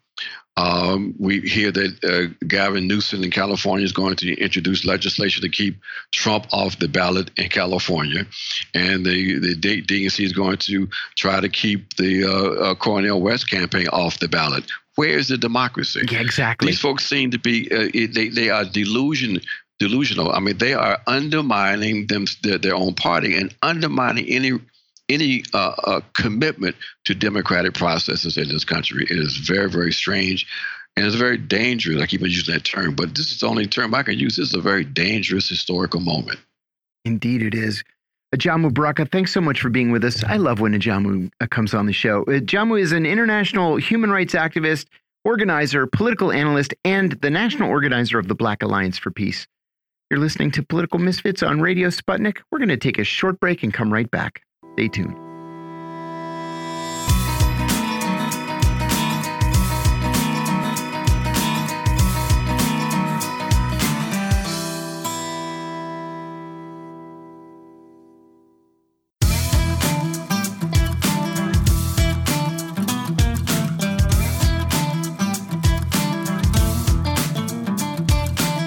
Welcome back to Political Misfits on Radio Sputnik, where we bring you news, politics, and culture without the red and blue treatment. I'm Michelle Witte. I'm here with John Kiriakou, and we're talking about some more of the fallout from the uh, enormously consequential uh, McGirt decision by the Supreme Court a few years ago, which found that you know the according to the terms of this 1866 treaty, which had never been uh, dissolved or or changed or superseded or updated, that much of eastern Oklahoma remained by law tribal land and part of uh, uh, well, there's those sort of five tribes of of uh, Oklahoma. It's a part of the Muscogee Nation, I think specifically, and so now there are fights over things like traffic tickets playing out. Although just how big a fight this has to be, I think, is is up for some debate.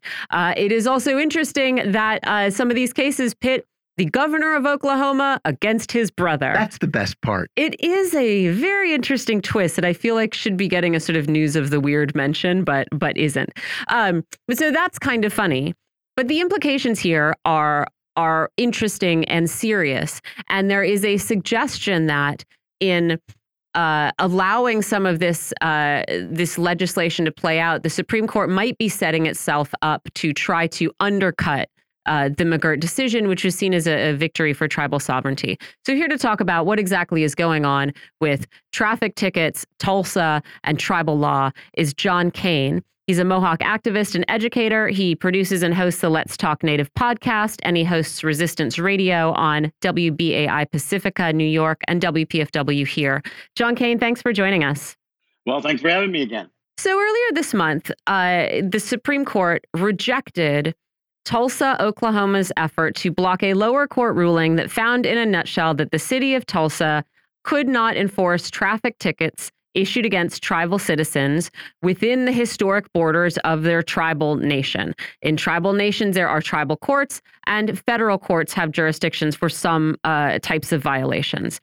That was brought by a man named um, Hooper. There is a similar case that's been brought by a man named Keith Stitt, who is an enrolled member of Cherokee Nation. He is arguing same thing. City of Tulsa doesn't have the authority to issue him a ticket. Stitt is the brother of Oklahoma Governor Kevin Stitt, who's also a member of Cherokee Nation. Uh, Governor Stitt opposes uh, the the lower court decisions that found that Tulsa indeed did not have uh, jurisdiction, and has said that McGirt is a huge threat, and there will be no rule of law in eastern Oklahoma if uh, you know if Tulsa isn't allowed to issue these tickets. And so uh, it's worth pointing out that lawyers for the tribes who are claiming this jurisdiction say actually in many other areas, the rule of law is working just fine, where municipalities have implemented cross deputization agreements with tribal police, and they also cooperate on traffic tickets by referring tickets issued against tribal members to the tribe, which then enforces them and sends most of the revenue back to whatever municipality we're talking about, I guess just not Tulsa. And so I wanted to kind of start there with this claim by Governor Stitt that Oklahoma, I, I, mean, I guess this, this, is years after the McGirt decision, still waiting for it to descend into total lawlessness, uh, and and you know how how other cities are managing to cooperate and why Tulsa can't. Well, first let me back it up a little bit.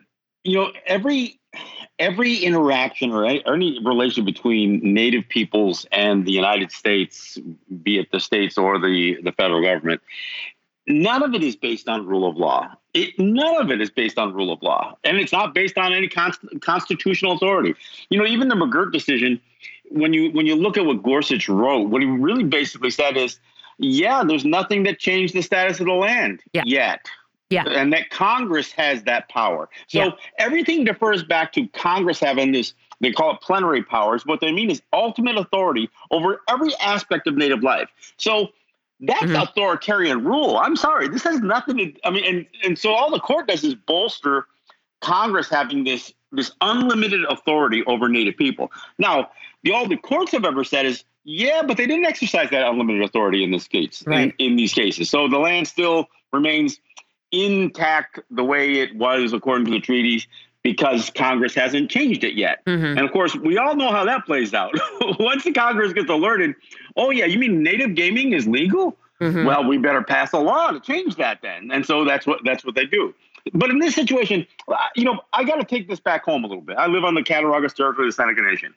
You know, when we get a ticket, and it happens on our lands, and we go to those courts and we challenge the jurisdiction, invariably the judge just dismisses it. And they always say the same thing: in the interest of justice, we're dismissing. Now they won't rule. They they they don't see. It, they won't take it upon themselves to to raise the issue about whether they really have jurisdiction or not. So they just right. they just throw them out. And in this situation, look if if a if somebody is ticketed and it's and it's on clearly established and distinct native lands, regardless of what municipality may coexist or or whatever.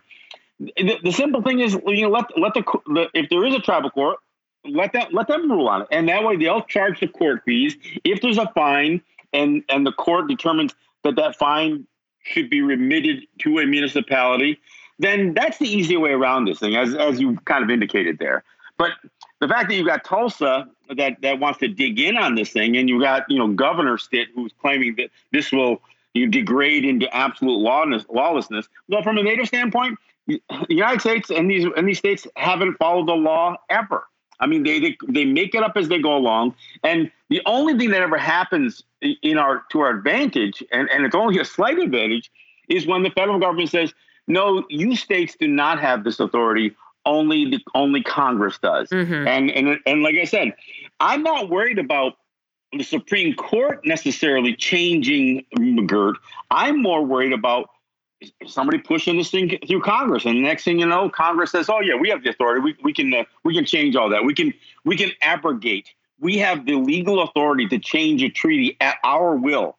And we don't have any and you know as far as they're concerned we don't have any say about it this is that that authoritarian rule that i'm speaking of yeah i mean there's supposed to be two parties to a treaty, right? You'd think. I mean, this is the question. Do you, we haven't heard much about uh, Congress taking this up since the decision was made. I wonder if part of this is because the the Biden administration, as uh, you know, flawed as it is in a lot of ways, has at least at a at a PR level. Um, and you know to some to some degree somewhat deeper levels but has really wanted to you know do outreach to native nations to look good to promote consultation and that kind of stuff and i would think that joe biden doesn't want to be the administration under which Congress decides to uh, fix this problem. Um, but I haven't really heard anything about it, and I wonder if you can update it. Is there anybody who is either, um, you know, trying to push for this now, or you know, waiting for perhaps a Republican administration in 2024 or 2028 to to um, to get this underway? Well, and let's be clear, both parties take the same position about Congress having ultimate authority over Native people. This is that's the one place that they mm-hmm. that they are in total agreement. The question is how aggressive should they be about it? And yeah. you know, and the Biden administration hasn't done anything to change or to bolster what I would call native sovereignty. And and again, if if our sovereignty is is actually determined and regulated, uh, the metes and bounds of our sovereignty regulated by Congress, then is it really even sovereignty? So, mm-hmm. you look, I don't see, you know, especially over traffic tickets, I don't see this, you know, rising to, you know, to a, you know, Congress abrogating, uh, the, you know, the, this treaty of, of, of the 1800s. I don't see that necessarily happening. But you know, when this rises up to uh, into a higher level, it, it absolutely you know does attract the attention and and certainly you know you got the republicans controlling the house i mean they could push through uh, some of the stuff whether the Republicans ever gain control of the of the Senate. But you know what?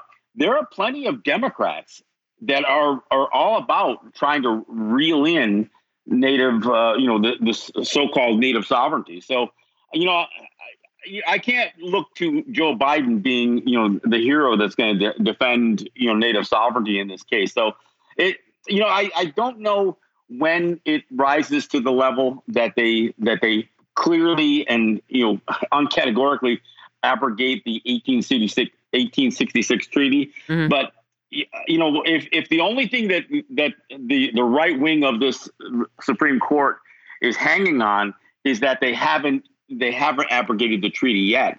Yeah, there, there's some there's some you know other states that may take up this thing, uh, you know, and and and again, Repu- uh, Republicans and Democrats who say, you know, we can't let this get too far out of hand because, you know, then we're going to be playing, you know, playing catch up on how do you deal with state jurisdiction versus native jurisdiction versus federal jurisdiction. You know, I would I would expect Democratic administrations to be happy to kick the can down the road right and sort of keep a keep a sort of face of uh, like uh, you know an idea that there's something like benign neglect and let uh, Republicans do the actual dirty work. The other question I have, I mean, I, I think that probably Oklahoma Governor Kevin Stitt is just sort of wanting to continue to you know, irritate this grievance and, and keep it in people's minds, which is why he's been so uh, vocal about this Tulsa traffic ticket thing. Um, one of his brother's lawyers, Brett Chapman, uh, says that this whole issue is about, once again, stealing from tribes by trying to collect, in this case, court fees. And certainly, you know, uh, on a on a broad level, I uh, agree with his assertion that as an operation of law, Native people and Native nations get exploited by U.S. government structures. It's hard to imagine there's that much coming in in these fees that it would be worth this. So I, I don't know. What, what do you think is going on? Well, I mean, we can call it money or we can call it power, but uh, mm-hmm. I think it's still the assertion of power. And, and look, we when you when everybody talks about you know abuse of police and that kind of stuff, it isn't just black people that are getting abused by police. And Native people are are you know we actually have death by cop at a higher level considering our, our population, uh, proportionally higher than than any other demographic. So this isn't just about whether they can fine us, it's about how much the police uh, can assert jurisdiction and how much their courts can assert jurisdiction over native people. So it's a it's a it's as much about power as it is about money, I think. I mean, in your opinion, is this even is this worth the fight, or is there a bigger fight that should be happening? I don't know what's the I don't know what the form the the fight would take to uh, you know try to wrest some of this total power of Congress to you know control what happens in on, on tribal lands but you know it, it, would that be a, a more sort of deserving uh, antagonist here you know, there's a really great book that has just recently come out. It's by uh, a law professor at UMass uh, Amherst. His name is Peter D'Errico, and it's called Federal Anti-Indian Law, and, and uh, the subtitles like "Legal Entrapment of Native Peoples" or something. And um, and it, it is a really good book and it lays out just you know, like even when we when we have fought certain things, we don't make the broad enough argument. Now, this may seem a minor thing because we're talking about traffic tickets, but if you're not prepared to, to to assert that all of this jurisdiction really has no foundation, like I said, in law or constitutional, you know, authority or anything else, it's really still based on the doctrine of Christian discovery. It's hard to imagine somebody taking a doctrine of Christian discovery argument uh, over a traffic ticket. But at the end of the day, that's where that's where it is. It all goes back to when the, when you realize that that the that the authority of the United States has asserted over Native people has no foundation in their law, their constitution, but it's loosely, and not even loosely, it's pretty much directly uh, uh, associated with the doctrine of Christian discovery, church dogma from the 15th century. Mm-hmm. It, it, becomes codified in law, ironically, with Cherokee cases. Um, and, and and to the extent that that you had these this trilogy trilogy of cases in the 1800s that uh, you know that assumed all of this jurisdiction that basically said Native people can't have title to land, and that Native people, you know, are had our sovereignty necessarily diminished upon discovery by white people. If you when you understand that that law is based on some of that this this lie, it, it you know you realize that it's you can't just fight it as a traffic ticket. You've got to go all all in. You know, I heard somebody, you know, one of the lawyers, in fact, it was Peter D'Errico. He told me he says you know, there's there's the old story about the uh, the guy who gets uh, brought into court be, uh, because a, a, dog bit a guy, and the guy says it's not my dog. And he said, but if it was my dog, he wouldn't have bit you.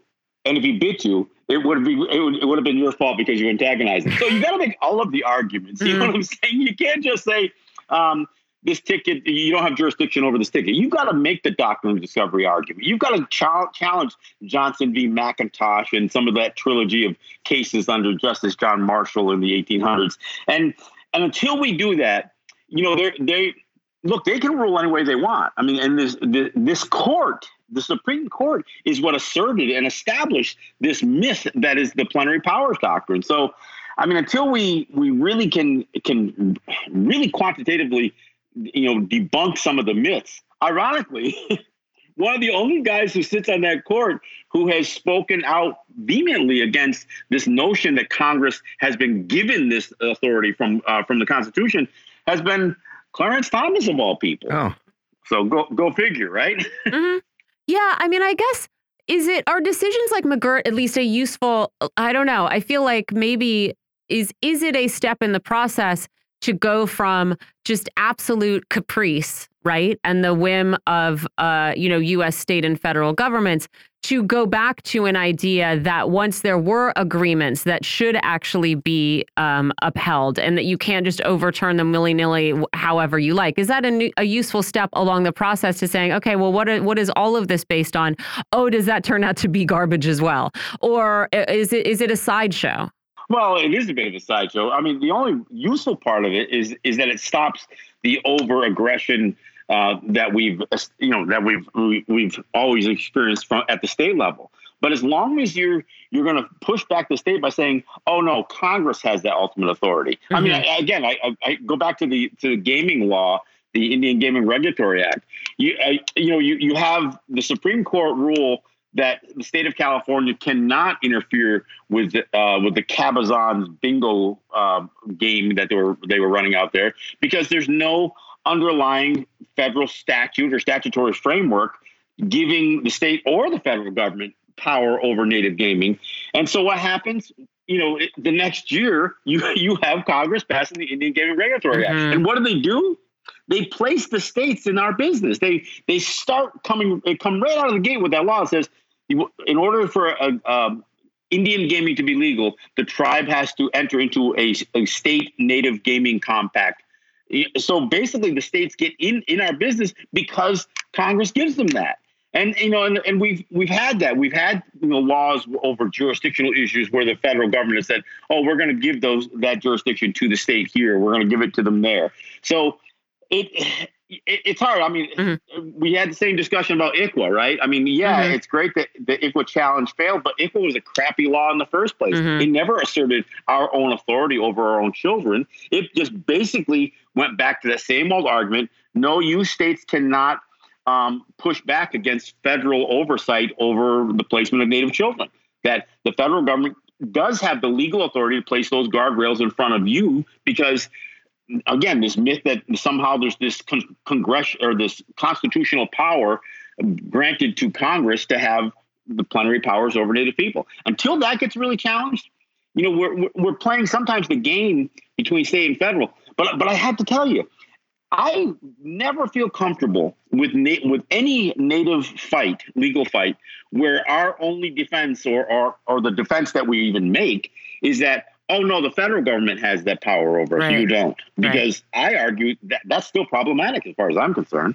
Yeah, very convenient for all of the nations uh, across the continent to get together and decide that Congress should speak for all of them uh, forever. Yeah. I wanted to ask also. Well, it's crazy, right? yeah, I mean, it is. um, I also wanted to ask, you know, this sort of in light of a, a discussion of like uh, current and past agreements, you know, about about Joe Biden's visit to Maui, uh, which included a, a meeting with Native Hawaiian leaders.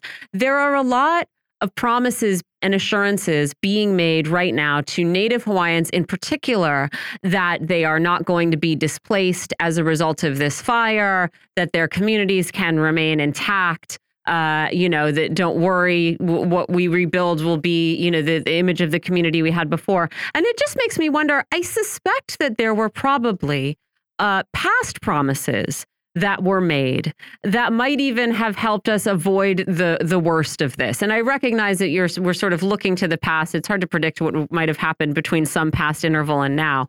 But you know, they were promising Native people, no, no, no, don't worry, this displace this disaster won't displace you. We won't displace you. Uh, we're going to take care of you. I, I suspect that that has been told to Native Hawaiians in the past. Well, whether it has or, or hasn't, the fact of the matter is that capitalism has done more to displace Native Hawaiians than anything. I mean, the, look, the entire uh, Kingdom of Hawaii was an illegal occupation by the federal government, and and and I'll tell you right now, you can throw Oprah and Zuckerberg and Ellison and all these guys, and you know, and have you know probably several dozen Hollywood celebrities that have gone there and bought ungodly amounts of land, considering with the the limited resources or the limited lands that are there, displacing far more Native Hawaiians than any and all fires or or you know hurricanes or volcanoes. I mean, these people have been more displaced by rich people from the continent going there. And I mean, Oprah's got a, sitting on a thousand acres of, of oceanfront land. Mm-hmm. I mean, she wouldn't even open up her road to help with the evacuation uh, you know, uh, during during these fires. So I mean, yeah, she's she's running around on camera, you know, offering to help and that kind of stuff. And and I'm not saying she isn't offering help, mm-hmm. but at the end of the day, when I look at this stuff, I mean, yeah, I mean, there was an immediate outcry when all of a sudden a bunch of these disaster capitalists showed up and said, "Oh, well, hey, we'll buy your land." You know, and, and I think there was a, an immediate outcry from the, the Native Hawaiians. And so for Joe Biden to say, "Oh, none, none of you are going to be forced out by this fire," yeah, but how many are going to be forced out? Because I mean, here's the thing: Native Hawaiians, only about 10% of the Native Hawaiian population can even afford to live in their homelands because the price of land and uh, you know seven dollars for a gallon of milk. I mean, hmm. this is all driven by the tourism industry, the military, and rich and rich white people who decide they want to own paradise. Yeah, I mean, it, it's it's sort of easy to it's easy to uh, uh, point to sort of uh, other causes for this destruction, but yeah, as you say, capitalism is a, is the biggest displacer. John Kane, we really appreciate your time. Uh, tell our listeners what you're getting up to over at the Let's Talk Native uh, podcast and Resistance Radio. Well, I'm, I'm always I'm always engaged in some of this discussion over things like mascots. There was a, some news uh, media sources were trying to cut, carry this notion that there was a push to return the nation's capital football team, the Washington Commanders, and return the name to Redskins. So what? I've addressed that re- more recently. Yeah, there's there was a group that calls themselves the Native American Guardians Association that started a petition to try to bring back the name. And of course, some media outlets ran with it. It's not going to happen, but you know, they just love to make a media circus out of anything like this. And of course, it fits in with the culture wars and the wokeness argument and right. all that other stuff. So I mean, I, find myself dealing with that stuff. But uh, again, um, the reason I even mentioned the Indian Gaming Regulatory Act, you know, I live on the Seneca Nation territory, and they have been having a major conflict. You guys have asked me about it before with with a Democratic governor who is trying to squeeze them for almost half of the revenue they create in these things, uh, in these casinos. And uh, you know, even as that that market diminishes and and New York State and other states grab more and more of the gambling market through everything from mobile betting to sports betting to lotteries and everything else. So it's so a lot of that is part of what I'm uh, I'm always addressing. Yeah, thank you so much. Uh, we'll go check out. I want to. I want to actually get an update on where that uh, New York argument stands. Thanks so much for joining us, John. Really appreciate it. I appreciate you guys giving me a call. Thanks. I got a couple stories for you, John. One is uh, from Spotify. I'm gonna have to keep up with the Spotify news about. I love seeing like what people search for. I used to be actually. I haven't looked in a in a long time, but there was a Pornhub used to do. It's like most. Oh yeah, search I, terms by by nation, that. by country, whatever, and by state. Yeah. Uh, well, Spotify, slightly more family friendly, uh, does the same thing, and apparently this is. Well, there's no other word for it. Uh, the most searched term for Gen Z listeners on Spotify globally, do you want to take any kind of guess? It, you won't get it. Just guess. It's a very simple. It's a very simple emotion. Oh, an emotion. Yeah, it's an emotion. I have no idea. I was going to say hip hop, but that's. Name me an emotion, John. Uh, an emotion is. Uh, John doesn't have any. Yeah, okay. sadness, sorrow. There you go. That's it. Oh, you're in touch with Gen, Gen Z. Gen uh, Z searches sad oh on Spotify. it's so it's a little on the nose. Uh, so Spotify is talking about how it, how it's uh, rushing to make sure that they can have the quote bummer summer the bummer summer listening experience that they want to have, and they've made all these uh, sad song playlists. I said, you know what? I am a person who does love a sad song. I do love a sad song. I have to be very careful when I listen to them because Yes. they will make me cry. Like Yes. it will get into my heart and destroy my whole my Sure. whole mood. But yeah, there's a Spotify Spotify executive says there's something really unique about this generation. They embrace their feelings so much. They're really flipping the stigma of vulnerability. Like, okay, everybody listens to sad songs when they're by themselves. Give me a break. oh, that was very funny. Poor poor Gen Z just plugging sad into Spotify, seeing what comes up. Oh, my God. Yeah. Did you see that Elon Musk uh, is finally admitting that he may have irretrievably wrecked Twitter and it may cease to exist? I saw just a quote saying that it might fail.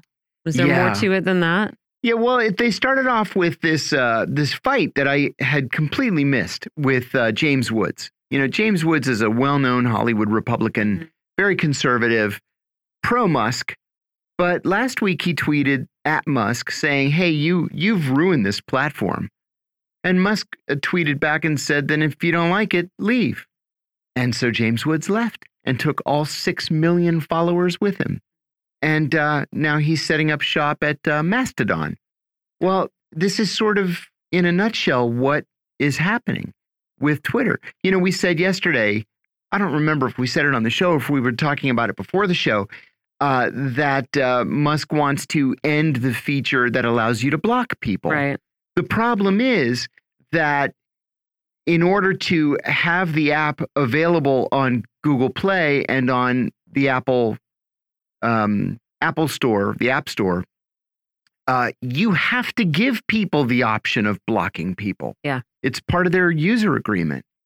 And so if he does that, Twitter's going to be taken off of the two, like the only two app stores that matter. Yeah. I, I don't know what the guy's doing. He's turning this into a worthless uh, commodity. He seems to be acting before he thinks. Imagine that. or as for expert advice. You know, we haven't mentioned, which is the thing that you were looking at when I first came to talk to you this morning, is this story about uh, a bunch of people being stuck in a cable car in Pakistan. Oh, yeah. Did they've you see the latest update? re- rescued a couple. They've rescued it- five. oh, okay. They've been active while we've been on the of show. five of the six children. I think there were eight people, eight people, six children stuck in a cable car, hanging 900 feet in the air, hanging on one cable On after one another cable. cable snapped. hmm and they have rescued five children, one through a sling operation, the helicopter. So I guess a helicopter comes over, d- dangles the thing down. You put the Get in child it. in it, Oh, my God. and then I guess they fly away. Oh, my God. It was the fourth attempt, successfully rescued one child. Three other children were rescued. It hasn't said how. Uh, and this Washington Post story has like, you know, footage from prior, because I guess this happens. It, it's this is not unprecedented. These Oh cable cable cars cable snap sometimes, and so they have footage of people being rescued with like a pulley where they pull them up along the cable. It's not a helicopter situation. Well, they had trouble with the helicopter Ooh. earlier today because every time it would go above the cable car, it would make the cable car swing because Yeah. of the, the wind from the rotors. Yeah, they Ugh. they keep being told that uh, food and water is being sent to them via uh, you know in, in various ways. Okay, I don't know, man. I don't know how much I need to eat. I understand that like you need fuel to manage like shock or I don't know how cold it is, right? Eating helps you prevent hypothermia and stuff like that. Certainly I can see wanting to get people water, but like I don't know that food's going to be my priority, Right. right? Especially not that they're not sending the kind of food that Oh. you're going to want your last meal to be. I would Although they've been they've been in there for like 13 or 14 hours now. Yes. I mean, I'd I'd rather they send down a porta potty. oh my God. Uh, would be pretty excited. You know what?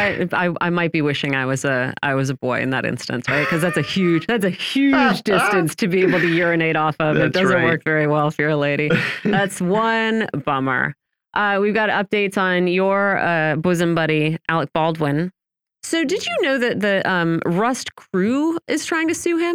Uh, no, I did not know that. So unclear whether criminal charges are going to be refiled against him since this forensic um, his gun Yeah. report found that the trigger must have been to have pulled, which he pulled. denied. Right. The uh, armorer, her criminal trial will not start now until next year. It's been pushed back, but apparently, um, crew three crew members are accusing Baldwin and the other producers of negligent and reckless conduct. And so they have, yeah, they, they have brought a civil case against him, which Baldwin has tried to get dismissed, but doesn't look like it has been. Oh, there's a hearing set for Wednesday Wow. on whether this will be this can be dismissed or not. I will say he has been incredibly fortunate so far. You know, when he was charged with uh, with involuntary manslaughter, I thought he deserved to be charged with involuntary manslaughter, even if it didn't mean prison time. Just because of his role as a as the producer. Exactly.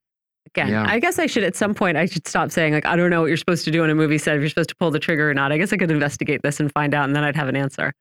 But certainly it seems like the big thing is to not have a bullet in the gun that will fire in the first place. Yeah, a live round. All right, or maybe I'll remember to look into it. I don't understand that at all.